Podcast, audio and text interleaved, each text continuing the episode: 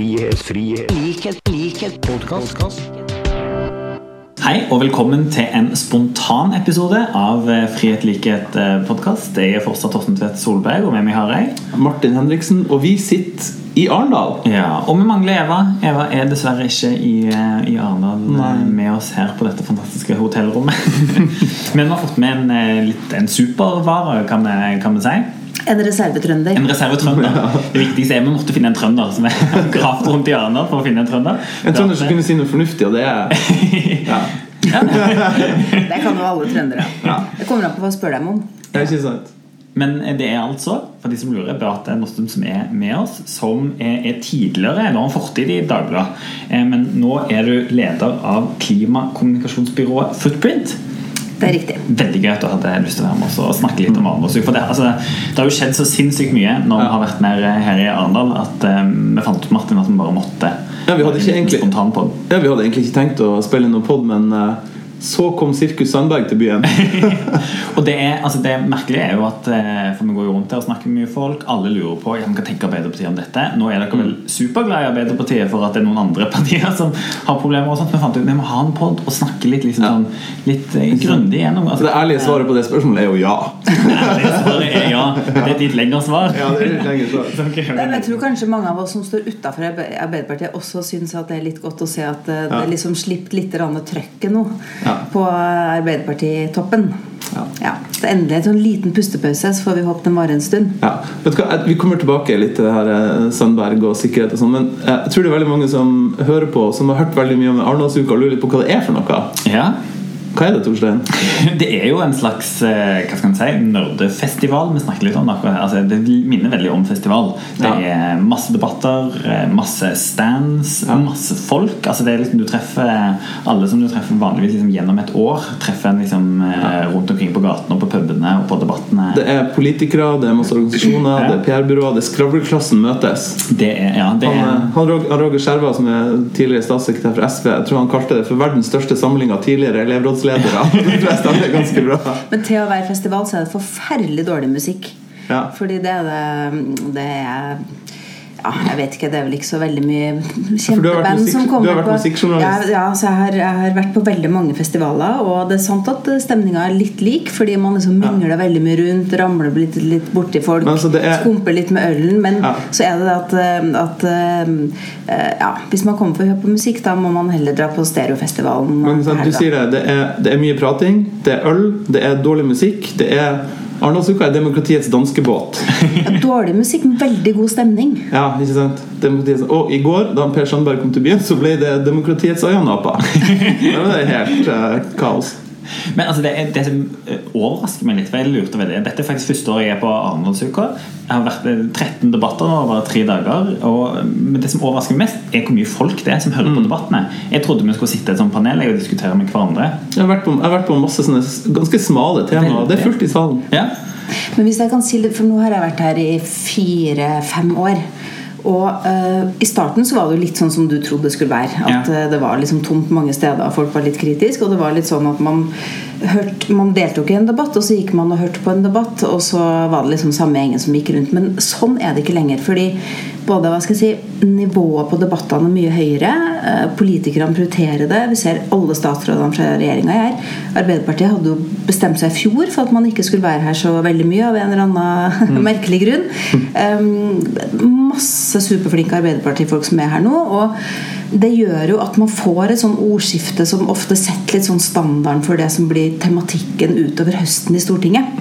Så for oss som jobber med lobby, politisk påvirkning, enten det er oss i klimabyrå eller det er organisasjonene eller andre, så er det jo virkelig en enestående anledning til å forsøke å få satt agenda. Ja, det er jo faktisk litt sånn stemning at en klarer å lande. Det er liksom ikke de hardeste politiske debattene der målet er å slå hverandre i hodet, men faktisk altså, er litt sånn lyttende og diskutere noe. Litt mer rom for refleksjon. Og så Ja. er det jo eh, en sånn oppfatning der ute av at det er et sånn slags elitearrangement. Det vil jeg jo ikke si at det er. Det er jo, Hvis man ser rundt seg, så er det veldig mye vaffelsteking. Det er utrolig mye boder av dem som kommer på arrangementene. Masse folk som kommer til reisen til Arendal bare for å være her og høre. Så det er litt sånn folk flest møter skravleklassen. Ja, for, altså, det er jo utrolig mye sånne PR-folk som springer, sånn som deg og Børsmarst eller Gambit, som springer rundt der og har time of their life. Men det er jo de standene og de folka som er det er jo landbrukssamvirket, og det er unge funksjonshemma, det er elevorganisasjoner, alle de som er her for å påvirke og få fram medlemmene sitt syn. Det er jeg faktisk overraska over hvor mye plass det tar, og det syns jeg faktisk er litt fint. Men, men det er jo det må jo si, så det er jo et slags klasseskille på det òg. Noen har liksom store båter Ja. og eh, sånn etterfest med gratis cava og eh, Kopp Hvor var det hen? Ja, Kopp Mesko har bar og dans i kveld. Liksom, det er jo Ja. en liten, en liten forskjell, men eh, alle skal med. Alle er her, for. Ja. Det er sant. Men jeg bare, nå har vi jo eh, Beate Nossum og eh, vi må jo spørre hva, hva, altså, Kan du som kommer utenfor hjelpe oss å forstå hva skjer med norsk politikk om dagen? Det er jo helt, Det siste året har jo vært helt absurd. Det, det er jo veldig lite plass for politikk, da. Eh, Det har jo eh, For det første så tror jeg at eh, uavhengig av hvilket parti man er opptatt av, så tror jeg at alle er veldig bekymra og urolig over det som skjer i Arbeiderpartiet. For at det bidrar til en sånn forskyvning av hele det politiske landskapet, egentlig. Eh, Så jeg tror eh, selv Arbeiderpartiets eh, verste fiende er egentlig kanskje håpe at man skal få samla seg litt nå i høst, og sånn at man får begynt å diskutere politikken. Vi bruker å si det her på den at nå snur det. og før eller siden får vi rett, og nå gjør det jo Ja. det. I hvert fall litt meningsmålingene. Ja. Og, Og i stemninga. Ja, og, ja, så jeg liksom litt mer rom til å snakke om politikk. Jeg håper jo det. Jeg liksom håp, virkelig håpte på at sommerferien betydde at en del folk òg tok seg ferie og fikk liksom slappet av og faktisk har lada batteriene. og sånt. Ja, men det, jeg tenker det viktigste er det med liksom balansepunktet i eller den politiske tyngdekraften i det norske politiske landskapet. Som det, liksom, det er totalt ubalanse når Arbeiderpartiet vakler. da mm. Og krymper, og det krangles og bråkes og usikkerhet knytta til leder og nestlederverv. Og, ikke sant? Da, da skjer det en sånn uro som får en smitteeffekt over hva skal si, hele den politiske linja. Så det var jo sånn sett kan vi kanskje takke iransk etterretning for at eh, vi nå fikk en liten pause og fokus over på noe annet. Fordi Det er første gang jeg har hørt noen har sendt en vennlig tanke til iranske Men vi tar det vi får. Vi. Spøkefullt. Ja. eh, ja. Men- men det var jo, en altså- telefon fra Per Sandberg. For det var jo helt absurd i går Ja. å se den. altså Både denne katt og mus-leken som ble på et tidspunkt der Sandberg skulle ha pressekonferanse på masse ulike forskjellige tidspunkter. Mediene Butikkene i Arendal var tom for popkorn. det, altså, det var helt elektrisk stemning, og folk satt og trykte på Ja. mobilene sine, og hvem eh, på en måte visste, Ja. visste mest eh, når og sånt. Men altså, du, som, du som kan dette, hvilke råd ville du gitt eh, Per Sandberg i, i går? For det første så tror jeg egentlig ikke det var noe sånn katt og mus. Jeg tror egentlig ikke at det var så bevisst som det kanskje kan se ut som. Mm. Jeg tror at han har tenkt å ha en svær pressekonferanse i Oslo, og så oppdaga han at hele Presse-Norge hadde flytta seg til Arendal, og så måtte han ta med kjæresten sin og hive seg i bilen og kjøre ned. Og det tok litt lengre tid enn han hadde regna med, så han rakk ikke å være her til klokka seks. Eh, og så tror jeg det er litt sånn tilfeldighet han tar hverandre og, og i det hele tatt. Men det som er påfallende, er jo hvordan alle andre ting, eh, inkludert media, eh, alt stoppa i påvente av å se hvor eh, hva skal jeg si, sirkus eh, Per Sandberg slo opp teltet. Ja, for eksempel at Venstre avlyste en sånn partitime de har, liksom, som er sånn de som måtte skinne på. Så det, ja, det påvirker veldig. Ja, Vi hadde en debatt som starta klokka åtte, og, og var jo veldig spent på om det kom noen folk på den. Det, det gjorde det heldigvis, men, men det ble en sånn Det skapte jo noen sånn voldsomme svingninger og uro i, i, i hele byen. Og alle var livredd for at man skulle, ha et, at, at man skulle være i nærheten av der hvor Sirkus Per Sandberg landa. Så landa han rett ved siden av vårt arrangement. Og det gikk helt fint, både med oss og så for jo, hva skal jeg si vet ikke hva som står i avisene i dag om Per Sandberg klarte seg bra eller ikke, men det er vel litt sånn Altså, jeg har jo må innrømme jeg har veldig forståelse for at han har lyst til å fortelle sin, liksom, sin historie da, sin versjon av alt det som har vært. Det har vært skrevet enormt mye og spekulert veldig mye. sånt i, Det klart, og Når du står i et sånn type medietrykk som han og kjæresten har gjort, da, så, så får du jo veldig lyst til å forsvare deg. ja. Eh, for skrive bok, tydeligvis. Alle som står i sånt. skrive bok, for seg an anerkjente advokater som ikke har norsk statsborgerskap, som han eh, sa i går på pressekonferansen. Men du, du, sant, det, er klart, det, er jo, det er jo to privatpersoner oppi der òg, som står oppi et stort medietrykk. Men, Men jeg tenker det- liksom, de har skapt mye av altså Per Sandberg har skapt mye av medieoppmerksomheten sjøl, har han ikke det? Jo, fordi eh, for meg som er tidligere journalist, og som nå jobber med, og, med media, blant annet. Så hvis han hadde ville hatt på en måte ro og rettferdighet, og alt mulig sånn, så hadde han jo skulle venta et par dager og gjort ett stort intervju, så han hadde litt kontroll. Mm. Uh, men det at nå blåser han opp liksom 100 nye ballonger uh, mm. Mm. og skaper masse kaos, masse furore. Du får alle de her bildene. Eh, med han i et sånn slags emosjokk. Litt sånn svetten og nervøs, forbanna. Mm. Mm. Masse journalister rundt som står liksom og bevrer med kamera og blitzene hagler.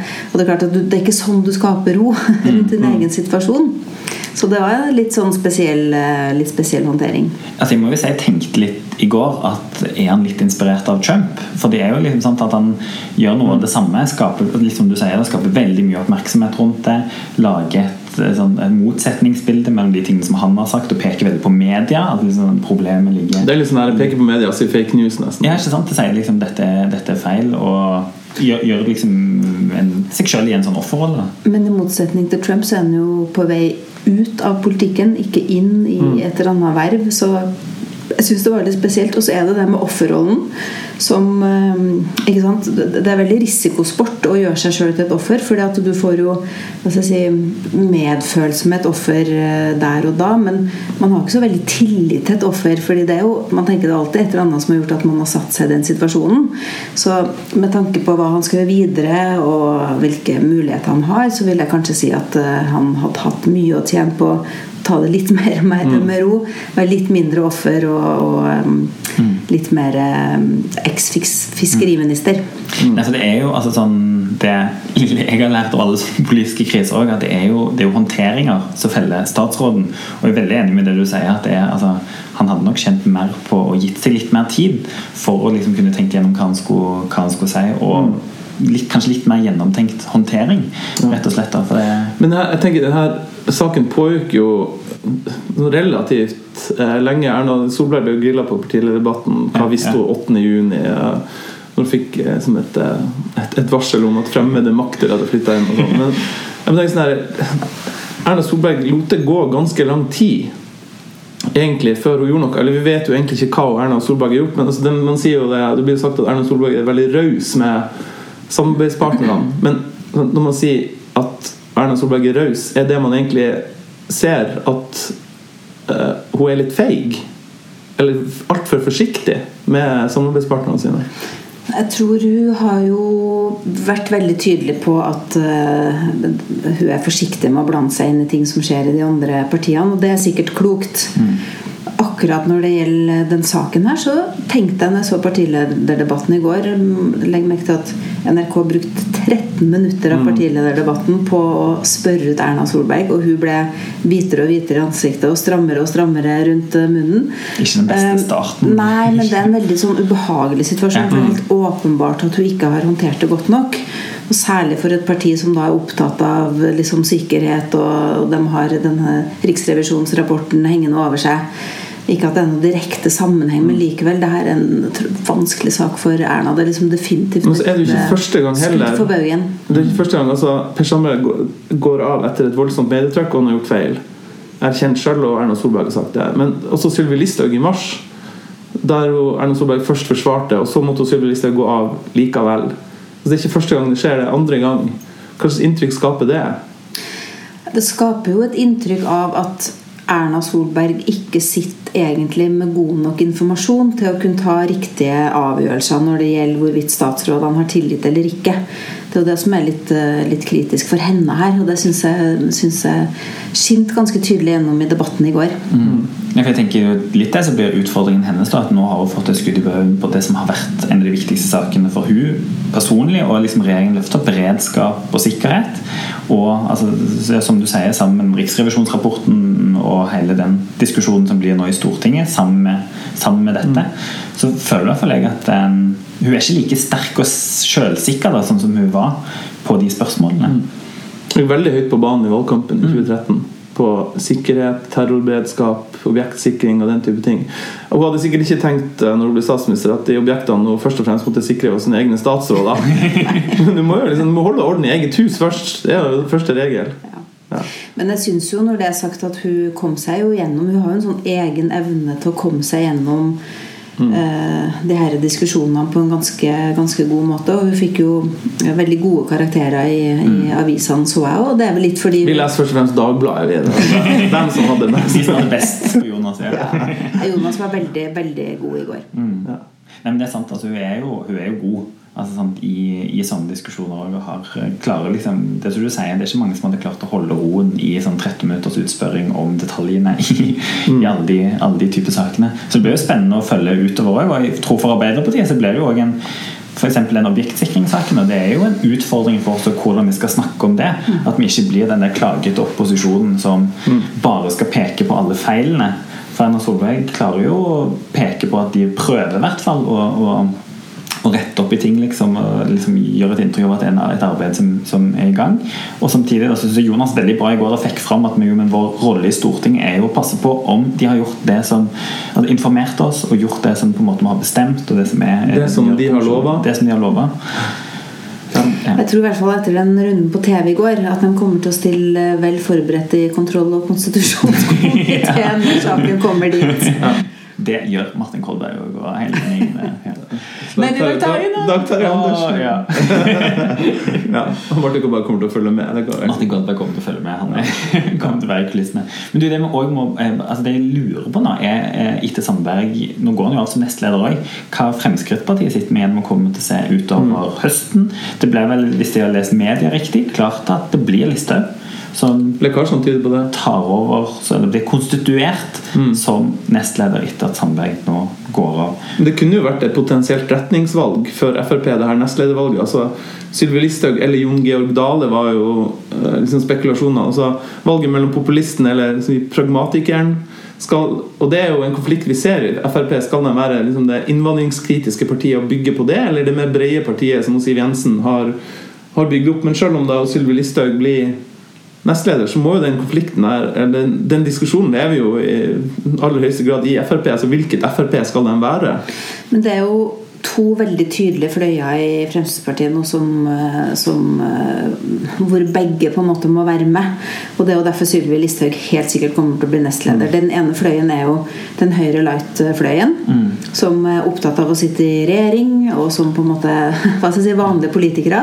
Siv Og Jensen, liksom liberalistene alt det der. ikke sant? Men de er helt avhengig av den andre fløyen, som er de der opportunistiske, litt sånn Trump-elskende bråkmakerne.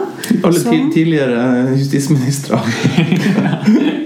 som, som, eh, som har en folkelig appell, og som ikke liksom på død og liv er opptatt av at Frp skal være i regjering, men opptatt av å, å, at man skal ha innflytelse på sak, da, og som eh, vet at en tjener vanvittig mye på å ta tak i bråk og uro og alle de understrømningene som vi andre blir litt, eh, blir litt skremt av.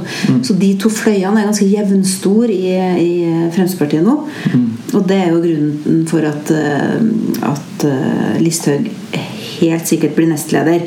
Og så er det jo mange i den høyrefløyen som skjelver litt i de blå buksene og skjortene sine, fordi det er jo på en måte Da er det jo ganske sannsynlig at hun også blir den neste lederen. Ja, Men det blir på en måte det neste store slaget i Fremskrittspartiet, tror jeg. Men, uh, Men tror du det, for det, det kanskje det jeg lurer mest på er liksom om det er en balanse mellom de to fløyene, eller om det er liksom en veldig sånn en kamp mellom ja, å få gjennomslag i politikken og, og i, i, i maktposisjonene, på en måte. Eller om det er et rolig forhold. Nei, Jeg tror ikke det er et rolig forhold. Jeg tror, det, jeg tror de er ganske irritert på hverandre, men jeg tror samtidig, at de vet at de er helt avhengige av hverandre. Fordi de hva skal jeg si, høyre light hadde aldri vært i den posisjonen de hadde vært uten eh, det mer opportunistiske og populistiske delen av partiet. Så det er en sånn slags eh, Ja, de det er en- vinn-vinn. Mm. Men tror du det betyr eh, mer Sylvi Listhaug utover høsten, rett og slett, med denne rollen? Det tror jeg vi kan garantere. Og det er jo litt sånn Fremskrittspartiet trenger jo en sånn person utafor regjering som ikke er politisk korrekt. Eh, Og særlig nå når vi går inn i et valgkampår, så tror jeg vi kommer til å høre masse fra, fra Sylvi Listhaug. Det er jeg helt sikker på. Jeg tenker, jeg, jeg tenker på det sånn artig, artig, artig men sånn tankeeksperimenter. Det er jo nå med objektsikringssaken og Riksrevisjonen som har ganske hard kritikk av regjeringa på, på terrorberedskap.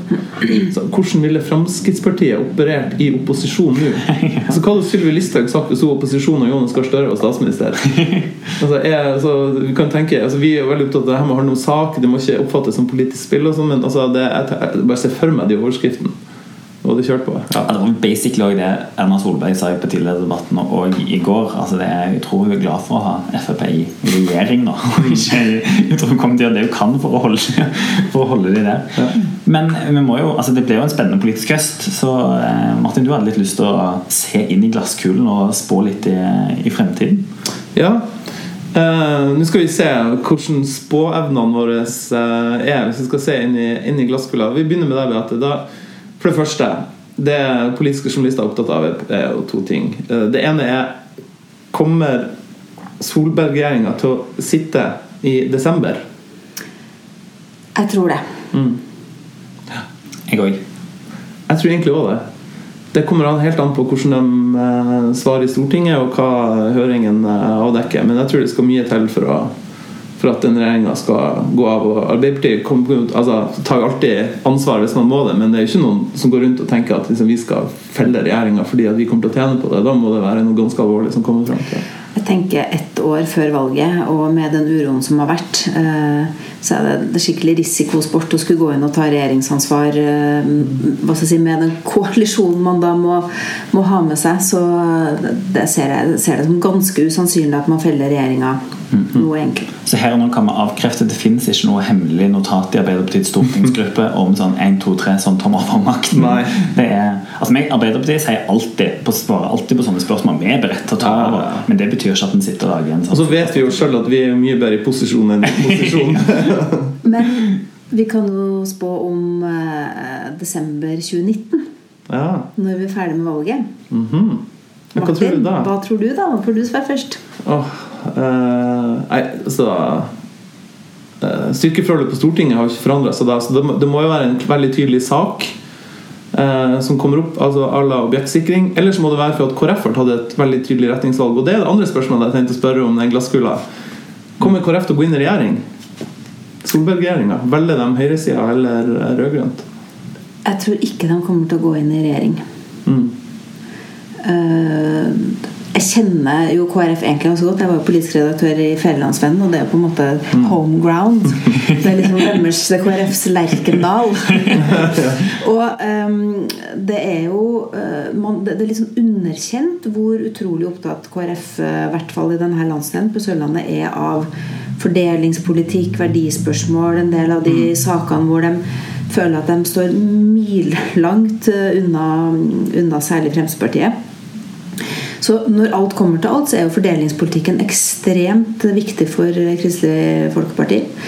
Eh, Så, så jeg tror det sitter langt inne, også fordi at en partileder som helt åpenbart ikke er veldig frista av, av å sitte i regjering med Frp. Um, jeg tror det er helt riktig, for altså når jeg ser på Knut Arild, så ser jeg en som er utrolig usikker på dette. Jeg tror nesten ikke han er, for, er leder i KrF og vil på en måte inn i regjering. Og en så det veldig tydelig på partilederdebatten i går hvor vanskelig dette liksom temaet er for hele KrF, og ikke minst for han. han jeg syns han hadde ganske utydelige svar i går. rett og slett Det var litt vondt å se på. Jeg syns han var veldig modig i går, om jeg må få si det. Fordi det er klart Når han får direkte spørsmål om han kan tenke seg å sitte i regjering med Frp og, Nei, unnskyld, med SV, og han sier at det ligger også på bordet, det koster mye å si for en eh. KrF-leder. Altså. Så han var veldig modig i går. Jeg håper jo bare at han klarer å utnytte det rommet som han faktisk har på vippen i sentrum. da Jeg bare tenker, jeg vet ikke hva KrF gjør, og de, de holder på med den diskusjonen. Men jeg tenker, for norsk politikk og for KrF sjøl så er det en fordel at de velger. Altså, Om de velger rød-grønt eller eh, skal vi si eh, blå-blått, så får du i hvert fall da to tydeligere alternativer av norsk politikk. Og jeg tror det hjelper, eh, hjelper den politiske diskusjonen. Ja. Superspennende situasjon. Ja. Helt siste spørsmål inn Ja. i glasskula. Og så Nå har vi jo en slags klimaekspert her, Beate. Du er jo det. Eh, nå har det vært eh, mange oppslag om tørke i sommer. Skogbranner eh, som er knytta til klima. Eh, det har vært en diskusjon om plast i havet. Kommer det her til å føre til at folk flest velgere blir mer opptatt av klima? Kommer klima til å bli en viktigere politisk sak det neste året?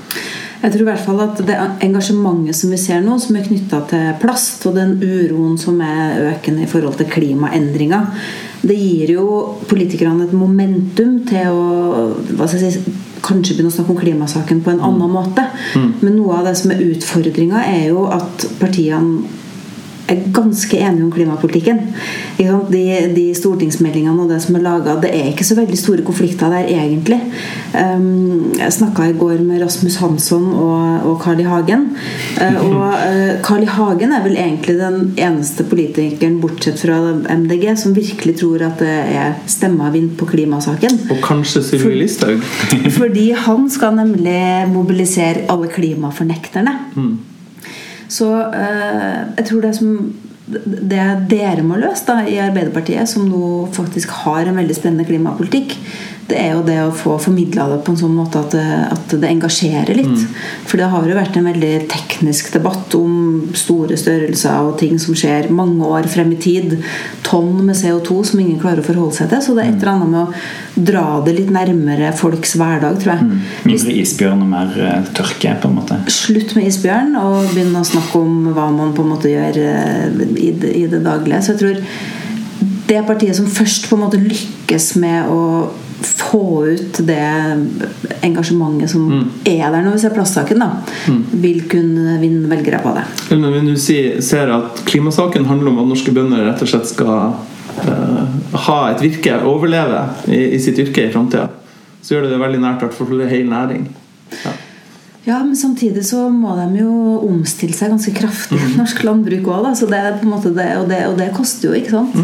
Så det, det er en komplisert debatt, men jeg tror vi må prøve å forenkle. Mm. Forenkle, og jeg tenker liksom må jo få det til å handle om litt de nære ting som du sier. altså Både liksom eh, hverdagstingene, altså, som mat og alt det, men òg sånn arbeidsplasser. og sånt. Det er jo i hvert fall en av de motsetningene jeg opplever mest i Rogaland, for eksempel. At miljødiskusjonen blir en motsetning mellom oljearbeidsplassene eller ikke.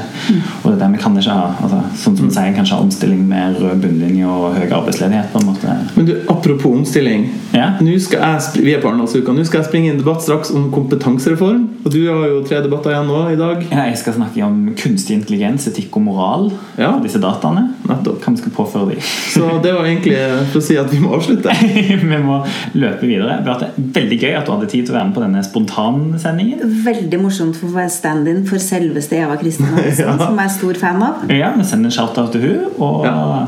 ses plutselig. Ses plutselig. Vi skal til Mo i Rana den 20. august, og det blir gøy. Hei!